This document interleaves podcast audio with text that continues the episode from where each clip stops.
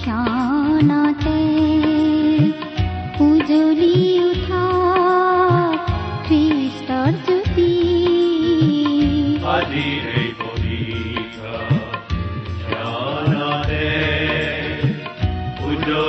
উঠা প্ৰভু যীশু খ্ৰীষ্টৰ নামেৰে ভক্তিবচন অনুষ্ঠানৰ তৰফৰ পৰা আপোনালৈ অভিনন্দন জনাইছো প্ৰিয় শ্ৰোতা। আজিৰ এই অনুষ্ঠানত আপোনাক লগ পাই বৰ ভাল লাগিছে। আশা কৰোঁ আপুনি ভালে কুশলে আছে। ভক্তিবচন অনুষ্ঠানত প্ৰচাৰ হোৱা ঈশ্বৰৰ বাক্যসমূহে আপোনাক কেনেদৰে সহায় কৰিছে জানিবলৈ আমাৰ বৰ মন যায়। কেতিয়াবা দুষাৰিমান আমালৈ লিখি পঠিয়াবচোন। আমাৰ ঠিকনাতে অনুষ্ঠানটিৰ শেষত কোৱা হ'ব। আপুনি কলম আৰু কাগজ সাজু কৰি থব ঈশ্বৰৰ যি দয়া কৰোণা আমি পাইছো তাকেই এই অনুষ্ঠানৰ যোগেৰে জনাবলৈ পাই আমি অতি আনন্দিত। আপোনাৰ পৰাও জানিবলৈ পালে আমি বৰ বেছি উৎসাহিত হ'ম। কিয়নো ঈশ্বৰে আমাক সকলোৰে যত্ন লয় আপোনাৰো যত্ন লৈ আছে। নিশ্চয় আপোনাকো অনেক আশীৰ্বাদ কৰি আছে। দুখ কষ্টত পৰিলে তেওঁ উদ্ধাৰ কৰিছে। বেজাৰৰ সময়ত তেওঁ আহি সান্তনা দিছে। হয়তো ৰোগত পৰোতে সুস্থতা দিছে। তেওঁ সদায় আপোনাৰ বিভিন্ন পৰিস্থিতিত যত্ন লৈ আছে। তেওঁ আচৰিত মৰমীয়াল ঈশ্বৰ। তেওঁৰ মৰমবোৰ আশীৰ্বাদবোৰ স্বীকাৰ কৰিলে সোঁৱৰণ কৰিলে সেইবোৰ দুগুণে বাঢ়ে। আহক আমি প্ৰতিদিনে ঈশ্বৰৰ পৰা পাই থকা আশীৰ্বাদবোৰ ইজনে আনজনৰ লগত প্ৰকাশ কৰোঁ প্ৰেমৰ জ্ঞান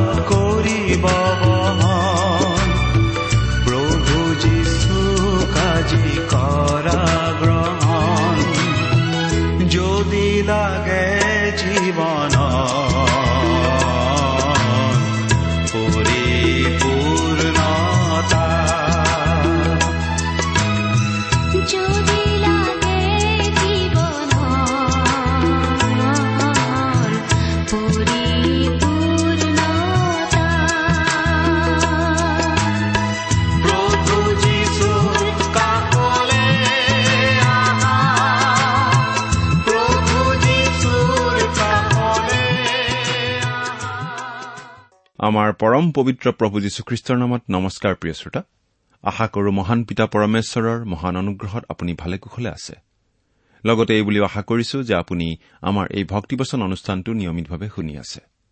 প্ৰিয় শ্ৰোতা এই অনুষ্ঠান শুনি আপুনি কেনে পাইছে আমালৈ চিঠি লিখি জনাবচোন। আপোনালোকৰ পৰা চিঠি পত্ৰ পাবলৈ আমি আগ্ৰহেৰে বাট চাওঁ। আহকচোন আজিৰ বাইবেল অধ্যয়ন আৰম্ভ কৰাৰ আগতে খন্তেক প্ৰাৰ্থনাত মূৰ দুৱাওঁ। স্বৰ্গত থকা অসীম দয়ালু পিতৃ ঈশ্বৰ তোমাৰ মহান নামৰ ধন্যবাদ কৰো। তুমি মহান তুমি কৰুণাময় তুমি অনুগ্ৰহৰ আকৰ। তোমাৰ অনুগ্ৰহতেই আজি আমি প্ৰভু যীশুত বিশ্বাস কৰি পৰিত্ৰাণ পাব পৰা হৈছো তোমাক পিতৃ বুলি মাতিব পৰা হৈছো। তুমি আমালৈ যিমান অনুগ্ৰহ দেখুৱাইছা তাৰ বাবে তোমাক ধন্যবাদ দি আমি শেষ কৰিব নোৱাৰো। এতিয়া প্ৰাৰ্থনা কৰিছো তোমাৰ মহান বাক্য বাইবেল শাস্ত্ৰৰ যোগেৰে তুমি আমাক কথা কোৱা। তোমাৰ মাত আমাক শুনিবলৈ দিয়া। কিয়নো এই প্ৰাৰ্থনা আমাৰ মহান ত্ৰাণকৰ্তা প্ৰভু যীশুখ্ৰীষ্টৰ নামত আগবঢ়াইছো। আমেন।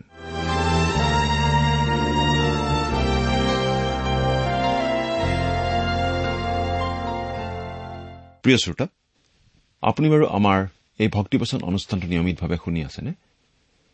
আপুনি যদিহে আমাৰ এই অনুষ্ঠানটো নিয়মিতভাৱে শুনি আছে তেনেহলে আপুনি নিশ্চয় জানে যে যোৱা অনুষ্ঠানত আমি বাইবেলৰ পুৰণি নিয়ম খণ্ডৰ জিহিচকেল ভাৱবাদীৰ পুস্তক নামৰ পুস্তকখনৰ অধ্যয়ন আৰম্ভ কৰিছিলো।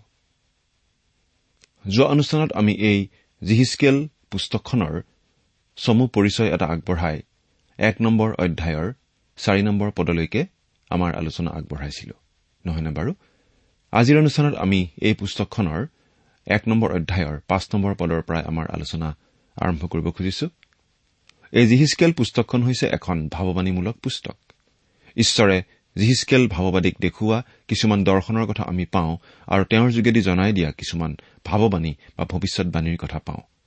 কিন্তু ভাৱবাণীমূলক পুস্তক হলেও ইয়াৰ যোগেদি আজি আমি শিকিবলগীয়া অনেক কথা আছে। যোৱা অনুষ্ঠানত আমি পঢ়িবলৈ পাইছিলো যে জিহিচকেল ভাৱবাদী এটা দৰ্শন দেখিছিল। ঈশ্বৰৰ গৌৰৱ মহিমা তেওঁ দেখিবলৈ পাইছিল। এতিয়া আমি পাঁচ নম্বৰ পদৰ পৰা পঢ়ি যাম।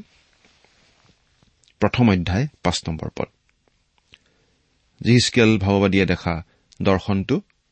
আমি চাৰি নম্বৰ পদতো পাইছিলো আৰু এতিয়া পাঁচ নম্বৰ পদতো আমি সেই দৰ্শনটোৰ কথাই পাওঁ।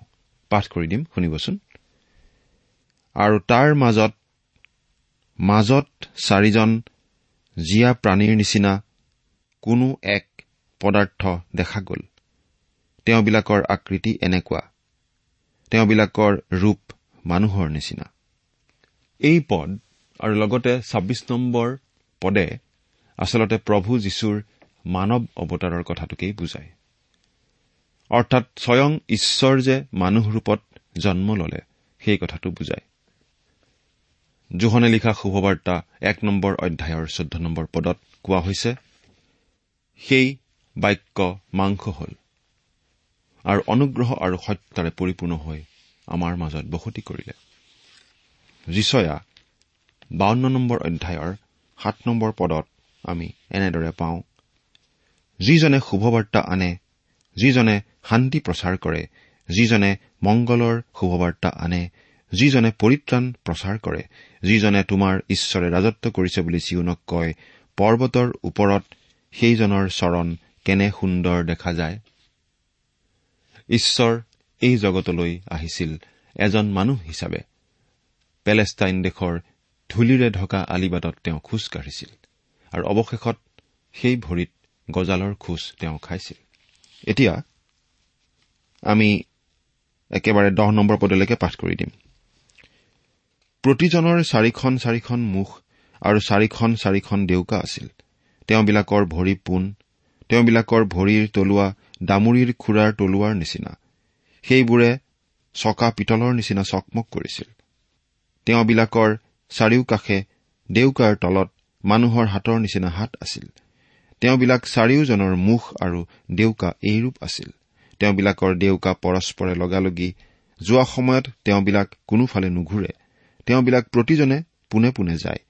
তেওঁবিলাকৰ মুখৰ আকৃতিৰ বিষয়ে হলে তেওঁবিলাকৰ মুখ মানুহৰ নিচিনা আৰু সোঁফালে তেওঁবিলাক চাৰিওজনৰে সিংহৰ মুখ আৰু বাওঁফালে চাৰিওজনৰে গৰুৰ মুখ। আকৌ চাৰিওজনৰে কোৰৰ পক্ষীৰ মূৰ আছিল। এই চাৰিখন মুখ আমি নতুন নিয়মত পোৱা চাৰিখন শুভবাৰ্তাৰ লগত তুলনা কৰিব পাৰো। আৰু এই শুভবাৰ্তা চাৰিখনে প্ৰভু যীশুখ্ৰীষ্টৰ ব্যক্তিত্বৰ চাৰিটা দিশ দেখুৱায়। তেওঁৰ ৰাজকীয়তা এই কথাটো আমি পাওঁ মুঠিয়ে লিখা শুভবাৰ্তাত। আৰু প্ৰভু যীশুৰ ৰাজকীয়তা দেখুৱাই ইয়াৰ সিংহৰ মুখখনে তেওঁ যে দাসৰূপে জন্ম লৈছিল সেইটো দেখুৱাই গৰুটোৰ মুখখনে আৰু সেই কথা আমি পাওঁ মাৰ্কে লিখা শুভবাৰ্তাত। তেওঁ যে সম্পূৰ্ণ শুদ্ধ সিদ্ধ মানুহ হিচাপে জন্ম লৈছিল তাৰ ছবি হৈছে মানুহৰ মুখখন আৰু এয়া হৈছে লোকে লিখা শুভবাৰ্তা। আৰু তেওঁ যে ঈশ্বৰ সেই কথাৰ ছবিখন আমি পাওঁ উৰি থকা ইগল চৰাইৰ ছবিত। আৰু সেই কথা প্ৰকাশ কৰে জোহনে লিখা শুভবাৰ্তাই। এই চাৰিটা জীৱন্ত প্ৰাণীয়ে আচলতে এডেন বাগিচাৰ জীৱন বৃক্ষৰ পহৰা দি থকা দূতকেইজনৰ বৰ্ণনাৰ কথাও মনত পেলাই দিয়ে। তেওঁলোকে মানুহ আৰু ঈশ্বৰৰ মাজত পথ ৰুদ্ধ কৰি দিয়া নাছিল। তেওঁলোকে বাট মুকলি ৰাখিছিল। আদম আৰু হৱাক যেতিয়া এডেন বাগিচাৰ পৰা আঁতৰাই পঠিওৱা হৈছিল তেওঁলোকে উভতি চাই বাৰু কি দেখিছিল? তেওঁলোকে দেখিছিল এটা বধ কৰা জন্তু যাৰ ছাল তেওঁলোকে পিন্ধি আছিল আৰু তেওঁলোকে দেখিছিল ঢাকি ধৰি থকা সেই স্বৰ্গদূতক যিয়ে ঈশ্বৰলৈ যোৱা বাট মুকলি কৰি ৰাখিছিল। মানুহৰ পাপৰ প্ৰায়চিত্ৰ তেজৰ দ্বাৰাহে হয়। মুচিয়ে যেতিয়া অনুগ্ৰহৰ সিংহাসন বনাইছিল তাত সেই দূত আছিল বলিৰ তেজৰ পিনে চাই থকা অৱস্থাত ঠিক আদম আৰু হৱাই দেখাৰ নিচিনাকৈ। সেই তেজৰ বাটেৰেহে মানুহ ঈশ্বৰৰ কাষ চাপিব পাৰে। প্ৰভু যীশুৱে ক্ৰুচত নিজৰ তেজ বোৱালে আমাৰ বাবে পৰিত্ৰাণৰ সেই বাট প্ৰস্তুত কৰিবলৈ। প্ৰভু যীশুৱে কৈছিল মোৰ যোগেদি নগলে কোনো মোৰ পিতৃৰ ওচৰলৈ নাযায়। জোহন চৈধ্য নম্বৰ অধ্যায়ৰ ছয় নম্বৰ পদ। এতিয়া আমি এঘাৰ আৰু বাৰ নম্বৰ পদ দুটা পাঠ কৰি দিম। তেওঁবিলাকৰ মুখ আৰু ডেউকা ওপৰ ফালে বেলেগ বেলেগ। প্ৰতিজনৰ দুখন দুখন ডেউকা পৰস্পৰে লগালগি আৰু দুখন দুখন ডেউকাই তেওঁবিলাকৰ গা ঢাকে। তেওঁবিলাক প্ৰতিজনে পোনে পোনে যায়। যিফালে আত্মা যাব খোজে তেওঁবিলাক সেইফালেই যায়। যোৱা সময়ত তেওঁবিলাক নুঘূৰে। ঈশ্বৰে এই জগতত তেওঁৰ আঁচনি সিদ্ধ কৰিবলৈ আগবাঢ়ি আছে। একোৱে তেওঁক বাধা দিব নোৱাৰে। একোৱেই তেওঁৰ আঁচনি বিফল কৰিব নোৱাৰে। এই জগতত তেওঁ তেওঁৰ পৰিকল্পনা মতেই কাম কৰি আছে। তেওঁ কোনোফালে নুঘূৰে। তেৰ আৰু চৈধ্য নম্বৰ পদ। সেই জীৱিত প্ৰাণীকেইজনৰ ৰূপৰ বিষয়ে হলে তেওঁবিলাকৰ আভা জ্বলি থকা জুইৰ অঙঠা আৰু আৰিয়াবোৰৰ নিচিনা। সেই জুই প্ৰাণীকেইজনৰ মাজত ওপৰলৈ তললৈ অহা যোৱা কৰে। সেই জুই উজ্জ্বল আৰু সেই জুইৰ পৰা বিজুলী ওলায়। সেই জীৱিত প্ৰাণীকেইজনৰ গমনাগমন বিজুলীৰ চমকৰ নিচিনা দেখা যায়। শাস্ত্ৰই কৈছে ঈশ্বৰ পোহৰ। প্ৰথম জোহন এক অধ্যায় পাঁচ নম্বৰ পদ। এইটো আচলতে ঈশ্বৰৰ এটা চমকপ্ৰদ প্ৰদৰ্শন। ঈশ্বৰৰ ব্যক্তিত্বৰ এটা দৰ্শন। প্ৰভু যীশুৱে কৈছিল জোহন আঠ নম্বৰ অধ্যায়ৰ বাৰ নম্বৰ পদত এনেদৰে পাওঁ মই জগতৰ পোহৰ যিজন মোৰ পাছে পাছে আহে তেওঁ আন্ধাৰত নুফুৰি জীৱনৰ পোহৰ পাব। তাৰমানে আমি কি বুজি পাওঁ? অৰ্থাৎ যীশুৱে আমাক ঈশ্বৰৰ পবিত্ৰতা আৰু ধাৰ্মিকতা দেখুৱায়। প্ৰথম জোহন এক নম্বৰ অধ্যায়ৰ সাত নম্বৰ পদটো পাঠ কৰি দিছো। কিন্তু তেওঁ যেনেকৈ পোহৰত আছে তেনেকৈ আমিও যদি পোহৰতে ফুৰো তেন্তে পৰস্পৰ আমাৰ সহভাগিতা আছে আৰু তেওঁৰ পুত্ৰ যীশুৰ তেজে সকলো পাপৰ পৰা আমাক সূচী কৰে। যদিহে আমি খ্ৰীষ্টৰ তেজেৰে মুক্তি লাভ নকৰিলোহেঁতেন আৰু তেওঁৰ ধাৰ্মিকতাৰ আৱৰণ আমি নললোহেঁতেন তেনেহলে আমি ঈশ্বৰৰ ধাৰ্মিকতা আৰু পবিত্ৰতাৰ প্ৰচণ্ড পোহৰত জ্বলি ভস্ম হৈ গলোহেঁতেন। এই দৰ্শনটোত আচলতে ঈশ্বৰে নিজক প্ৰকাশ কৰা নাই তেওঁৰ ছবি এখনহে প্ৰকাশ পাইছে।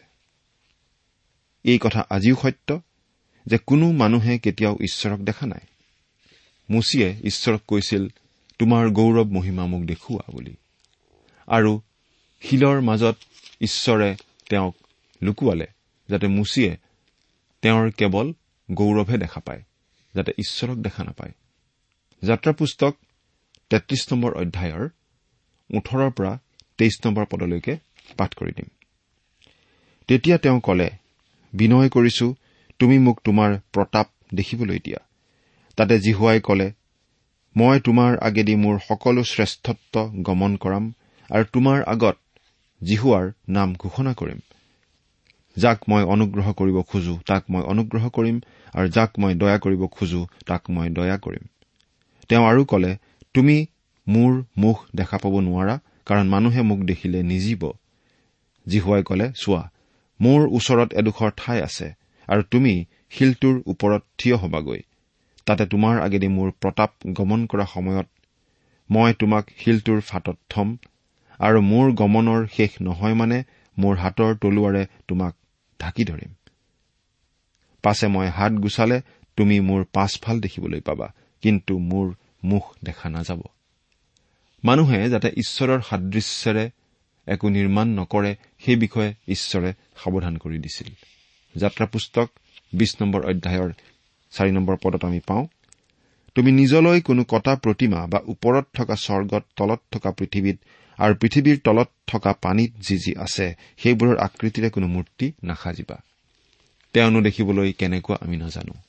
আনকি মানুহৰ ৰূপ লোৱা ঈশ্বৰ প্ৰভু যীশুখ্ৰীষ্ট দেখাত কেনেকুৱা আছিল সেইটোও আমি নাজানো।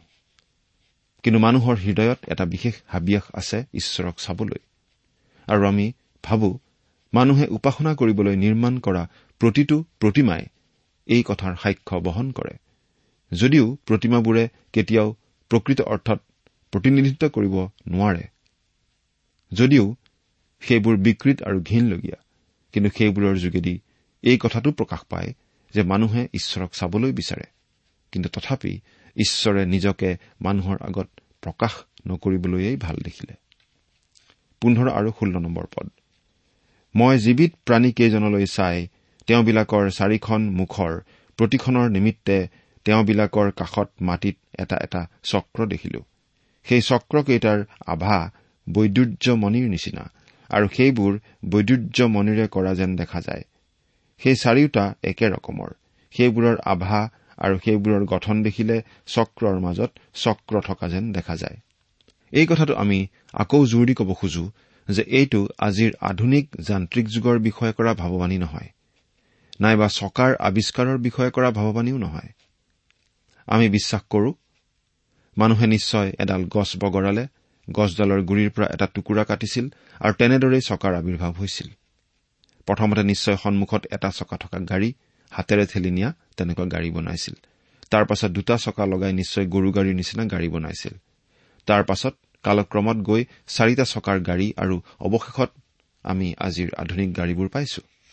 কিন্তু আমি জিহিচকেলৰ দৰ্শনটোত আচলতে সেইটো দেখা পোৱা নাই। আমি এই চকাকেইটাৰ বিষয়ে অলপ ভালদৰে বুজি পাবলৈ হলে আৰু অলপ আগবাঢ়ি যাব লাগিব। সেইবোৰৰ পুথিৰ বিষয়ে হলে সেইবোৰ ওখ আৰু ভয়ংকৰ আৰু সেইবোৰৰ পুথিবোৰ চাৰিওফালে চকুৰে ভৰা। ঈশ্বৰ এজন ব্যক্তি। এটা বিশেষ উদ্দেশ্য থকা এজন ব্যক্তি। আমি এখন উদ্দেশ্যবিহীন লক্ষ্যবিহীন বিশ্ব ব্ৰহ্মাণ্ডত জীয়াই থকা নাই। ঈশ্বৰে সৃষ্টি কৰা প্ৰতিটো অনুপৰমাণুৰ এটা উদ্দেশ্য আছে। প্ৰিয় শ্ৰোতা আপোনাক লৈও ঈশ্বৰৰ এটা বিশেষ উদ্দেশ্য আছে। ঈশ্বৰৰ পৰিকল্পনা ঈশ্বৰৰ কাৰ্যসূচীত আপোনাৰো বিশেষ এটা স্থান আছে। আজি যে আপুনি আৰু মই জীয়াই আছো তাৰ পৰা এই কথাই আমি বুজিব লাগিব যে আমি আমাৰ জীৱনৰ যোগেদি ঈশ্বৰৰ পৰিকল্পনা সিদ্ধ কৰিব লাগিব। ঈশ্বৰে তেওঁৰ এই জগতখন জানি বুজি এটা বিশেষ দিশত চলাই গৈ আছে। ঊনৈশ আৰু বিশ নম্বৰ পদ। আৰু প্ৰাণীকেইজন যোৱা সময়ত চক্ৰকেইটা তেওঁবিলাকৰ কাষে কাষে চলে। আৰু যেতিয়া প্ৰাণীকেইজন মাটিৰ পৰা দাং খায় তেতিয়া চক্ৰকেইটাও দাং খায়। যলৈকে আত্মা যাব খোজে তলৈকে তেওঁবিলাকো যায়। কোনো ঠাইলৈ আত্মা যাব খুজিলেই চক্ৰকেইটা তেওঁবিলাকৰ কাষত দাং খায়। কিয়নো প্ৰাণীকেইজনৰ আত্মা চক্ৰকেইটাত আছিল। এতিয়া আমি অধিক ভালদৰে এই কথা বুজি পাইছো যে এই চকাকেইটাই ঈশ্বৰৰ নিৰৱচ্ছিন্ন শক্তি আৰু কাৰ্যকলাপক বুজাইছে। আমাৰ ঈশ্বৰ সৰ্বশক্তিমান। প্ৰভু যীশুৱে কৈছিল মুঠিয়ে লিখা শুভবাৰ্তা আঠাইছ নম্বৰ অধ্যায়ৰ ওঠৰ পদত স্বৰ্গত আৰু পৃথিৱীত সকলো ক্ষমতা মোক দিয়া হ'ল। ঈশ্বৰ আগবাঢ়ি গৈ আছে। আৰু তেওঁ তেওঁৰ লক্ষ্য পূৰণ কৰিবই তেওঁৰ উদ্দেশ্য সিদ্ধি কৰিবই তেওঁৰ আঁচনি সিদ্ধ কৰিবই। প্ৰকাশিত বাক্য চাৰি নম্বৰ অধ্যায়ত আমি জিহিচকেলৰ দৰ্শনৰ এই চাৰিটা জীৱিত প্ৰাণীৰ বিষয়ে পঢ়িবলৈ পাওঁ। তেওঁলোকক ৰখা হৈছে ঈশ্বৰৰ সিংহাসন পহৰা দি ৰাখিবলৈ। ঈশ্বৰৰ সিংহাসন পহৰা দি থাকোতে তেওঁলোকে দুটা কাম কৰে। তেওঁলোকে ঈশ্বৰৰ সিংহাসনখন ৰক্ষা কৰি থাকে। অৰ্থাৎ পাপী অৱস্থাৰে মানুহ যাতে ঈশ্বৰৰ উপস্থিতিলৈ নাহে সেইটোলৈ তেওঁলোকে লক্ষ্য দিয়ে। আৰু দ্বিতীয়তে তেওঁলোকে মানুহক বাটটো দেখুৱাই দিয়ে যিটো বাটেৰে ঈশ্বৰৰ উপস্থিতিলৈ আহিব লাগিব। আমি ক্ৰুচৰ পথেৰেই পিতৃ ঈশ্বৰৰ ওচৰলৈ যাব লাগিব আৰু আন পথ নাই। সেই চিৰাফ দুটে আমাক পথটো দেখুৱাই দিয়ে। কিন্তু আমি ভাবো জিহিচকেলে কিবা এটা দেখিছিল যিটো সীমাহীনভাৱে মহান আৰু গুৰুতৰ। তেওঁ দেখিছিল মহাশূন্যৰ মাজেদি ঘূৰি ফুৰা পৃথিৱী নামৰ এই মাটিৰ টুকুৰাটোলৈ কৰুণা আগবঢ়াই থকা চিৰাফদূত কিছুমান মানুহে ভাবে এই পৃথিৱীখন অতি নগণ্য মানুহ আৰু নগণ্য। কিন্তু ঈশ্বৰে সৰু আৰু নগণ্য পৃথিৱীখনকেই তেওঁৰ কৰুণাৰ সিংহাসন কৰি পেলালে কাৰণ ইয়াতেই যীশুখ্ৰীষ্টই মৃত্যুবৰণ কৰিলে। গতিকে আজি ঈশ্বৰে এই পৃথিৱীখন আৱৰি আছে তেওঁৰ একেজাত পুত্ৰ খ্ৰীষ্টৰ যোগেদি তেওঁৰ ওচৰলৈ অহা যিকোনো পাপীক গ্ৰহণ কৰি ল'বলৈ। এতিয়া আমি পাঠ কৰিম। একেবাৰে একৈশ নম্বৰ পদৰ পৰা পঁচিছ নম্বৰ পদলৈকে। তেওঁবিলাক গলে সেইবোৰো যায় তেওঁবিলাক ৰলে সেইবোৰো ৰয় আৰু তেওঁবিলাক মাটিৰ পৰা দাং খালে চক্ৰকেইটাও তেওঁবিলাকৰ কাষত দাং খায় কিয়নো প্ৰাণীকেইজনৰ আত্মা চক্ৰকেইটাত আছিল। আৰু প্ৰাণীকেইজনৰ মূৰৰ ওপৰত ভয়ানক স্ফটিকৰ বৰণৰ তেওঁবিলাকৰ মূৰৰ ওপৰত ওখত তৰা এখন চন্দ্ৰতাপৰ নিচিনা। এখন বস্তু আছিল। চন্দ্ৰতাপখনৰ তলত তেওঁবিলাকৰ ডেউকা পৰস্পৰৰ ফালে পোন আৰু গা ঢাকিবৰ নিমিত্তে প্ৰতিজনৰ এফালে দুখন আনফালে দুখন ডেউকা আছিল। তেওঁবিলাক যোৱা সময়ত মহাজলসমূহৰ শব্দৰ নিচিনা সৰ্বশক্তিমান জনাৰ ধ্বনিৰেই নিচিনা মই তেওঁবিলাকৰ ডেউকাৰ শব্দ শুনিলো। সৈন্য সামন্তৰ ধ্বনিৰ নিচিনা কোলাহলৰ শব্দ শুনিলো। তেওঁবিলাক ৰোৱা সময়ত তেওঁবিলাকে নিজ নিজ ডেউকা চপায়। তেওঁবিলাকৰ মূৰৰ ওপৰত থকা চন্দ্ৰতাপখনৰ ওপৰৰ পৰা এক ধ্বনি শুনা যায়। তেওঁবিলাক ৰোৱা সময়ত তেওঁবিলাকে নিজ নিজ ডেউকা চপায়। এতিয়া ছাব্বিছ আৰু সাতাইছ নম্বৰ পদ দুটাও পাঠ কৰি দিম। তেওঁবিলাকৰ মূৰৰ ওপৰৰ চন্দ্ৰতাপখনৰ ওপৰত নীলকান্ত বাখৰৰ আকৃতিৰে এখন সিংহাসন যেন এক বস্তু আছিল। সেই সিংহাসন যেন বস্তুটোৰ ওপৰত ওখত। এজনা মানুহৰ আকৃতি যেন এক মূৰ্তি তাৰ ওপৰত আছিল। আৰু তেওঁৰ কঁকাল যেন বস্তুটোৰ পৰা ওপৰলৈ মই ভিতৰে চাৰিওফালে উজ্জ্বল ধাতুৰ নিচিনা জুইৰ আকৃতি যেন দেখিলো। আৰু তেওঁৰ কঁকাল যেন বস্তুটোৰ পৰা তললৈ জুইৰ আকৃতি যেন দেখিলো। আৰু তেওঁৰ চাৰিওফালে দীপ্তি আছিল। আমি ঈশ্বৰৰ গৌৰৱ মহিমাৰ কল্পনাই কৰিব নোৱাৰো। ৰুমিয়া ন নম্বৰ অধ্যায়ৰ পোন্ধৰ নম্বৰ পদত পাচনি পৌলে এনেদৰে লিখিছে কিয়নো তেওঁ মুচিক কৈছিল মই যিজনক দয়া কৰো তেওঁকেই দয়া কৰিম আৰু যিজনক কৃপা কৰো তেওঁকেই কৃপা কৰিম। আমাক এই বুলিও কোৱা হৈছে এই জিহিচকেল পুস্তকৰেই ওঠৰ নম্বৰ অধ্যায়ৰ বিশ নম্বৰ পদত পাঠ কৰি দিছো। পাপ কৰা প্ৰাণীহে মৰিব। পুতেকে বাপেকৰ বাপেকে পুতেকৰ অপৰাধৰ ভাৰ নবব। ধাৰ্মিকৰ ধাৰ্মিকতা ধাৰ্মিকৰ গাত আৰু দুষ্টৰ দুষ্টতা দুষ্টৰ গাত থাকিব। ঈশ্বৰে আমালৈ অনুগ্ৰহ দেখুৱাই আজি পৰিত্ৰাণ গ্ৰহণ কৰিবলৈ আহান জনাই আছে। কেৱল ইছৰাইল জাতিকেই নহয় গোটেই মানৱ জাতিকেই তেওঁ আজি পৰিত্ৰাণৰ বাবে আহান জনাই আছে। এতিয়া আমি আঠাইছ নম্বৰ পদটো পাঠ কৰি দিব খুজিছো। বৃষ্টিৰ দিনা মেঘত থকা ধনুখনৰ আকৃতি যেনে তেওঁৰ চাৰিওফালৰ দীপ্তিৰ আকৃতি তেনে জিহুৱাৰ গৌৰৱ যেন পদাৰ্থটো এই ৰূপ দেখা গ'ল।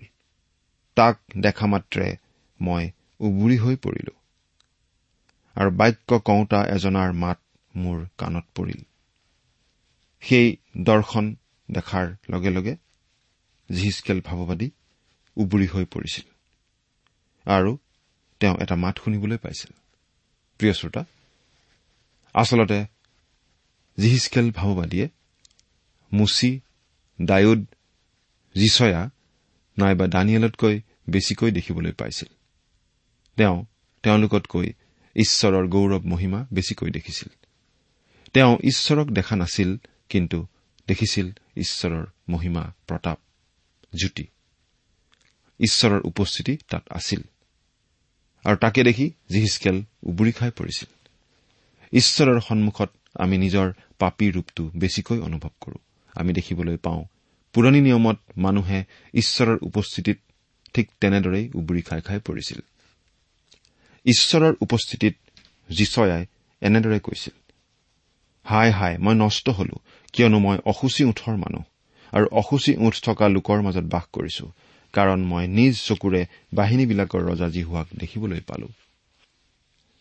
দানিয়েলেও তেনেই কৰিছিল জোহনেও পাত্মদ্বীপত তেনেই কৰিছিল। প্ৰকাশিত বাক্য এক নম্বৰ অধ্যায়ৰ সোতৰ পদত আমি এনেদৰে পঢ়িবলৈ পাওঁ তেওঁক দেখি মই মৰাৰ নিচিনা হৈ তেওঁৰ চৰণত পৰিলো। তাতে তেওঁ নিজৰ সোঁ হাত মোৰ গাত দি কলে ভয় নকৰিবা। প্ৰিয় শ্ৰোতা ঈশ্বৰৰ পিনে চাবলৈ আমি অযোগ্য। ঈশ্বৰৰ সন্মুখত আমি মাটিত উবুৰি খাই পৰাৰ বাহিৰে একো কৰিব নোৱাৰো। কাৰণ আমাৰ নিজৰ একো যোগ্যতা নাই। আমি নগণ্য ঘীনলগীয়া পাপী মানুহ মাত্ৰ। তেন্তে আমাৰ উপায়? অনুগ্ৰহৰ আকৰ ঈশ্বৰে আমাক উপায় দিছে প্ৰভু যীশুখ্ৰীষ্টৰ যোগেদি। প্ৰভু যীশুখ্ৰীষ্টত বিশ্বাস স্থাপন কৰি আমি সেই পবিত্ৰ ঈশ্বৰৰ আগলৈ নিৰ্বিঘ্নে নিৰাপদে যাব পাৰো। একমাত্ৰ প্ৰভু যীশুৰ ধাৰ্মিকতাত ভৰসা কৰি। ঈশ্বৰ আপোনাৰ সহায় হওক।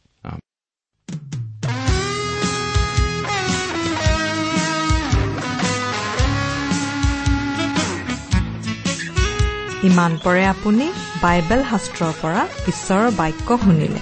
এই বিষয়ে আপোনাৰ মতামত জানিবলৈ পালে আমি নথৈ আনন্দিত হ'ম। আমি প্ৰস্তুত কৰা বাইবেল অধ্যয়নৰ চিডিসমূহ পাব বিচাৰিলে আৰু অনুষ্ঠানত প্ৰচাৰ কৰা কোনো কথা বুজিব লগা থাকিলেও আমালৈ লিখক।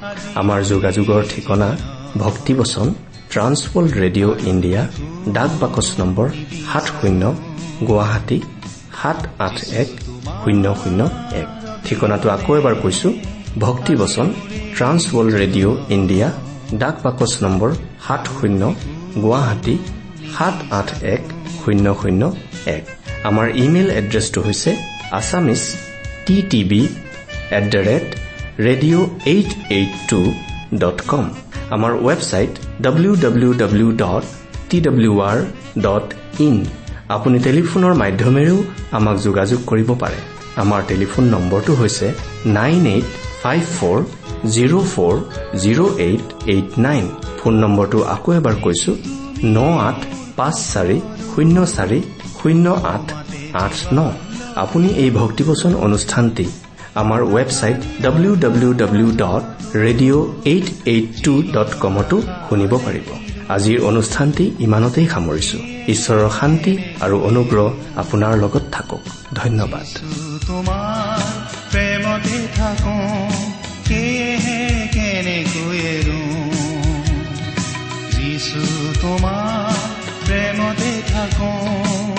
যিছু তোমাৰ অবিহনে আজি মোৰে জীৱন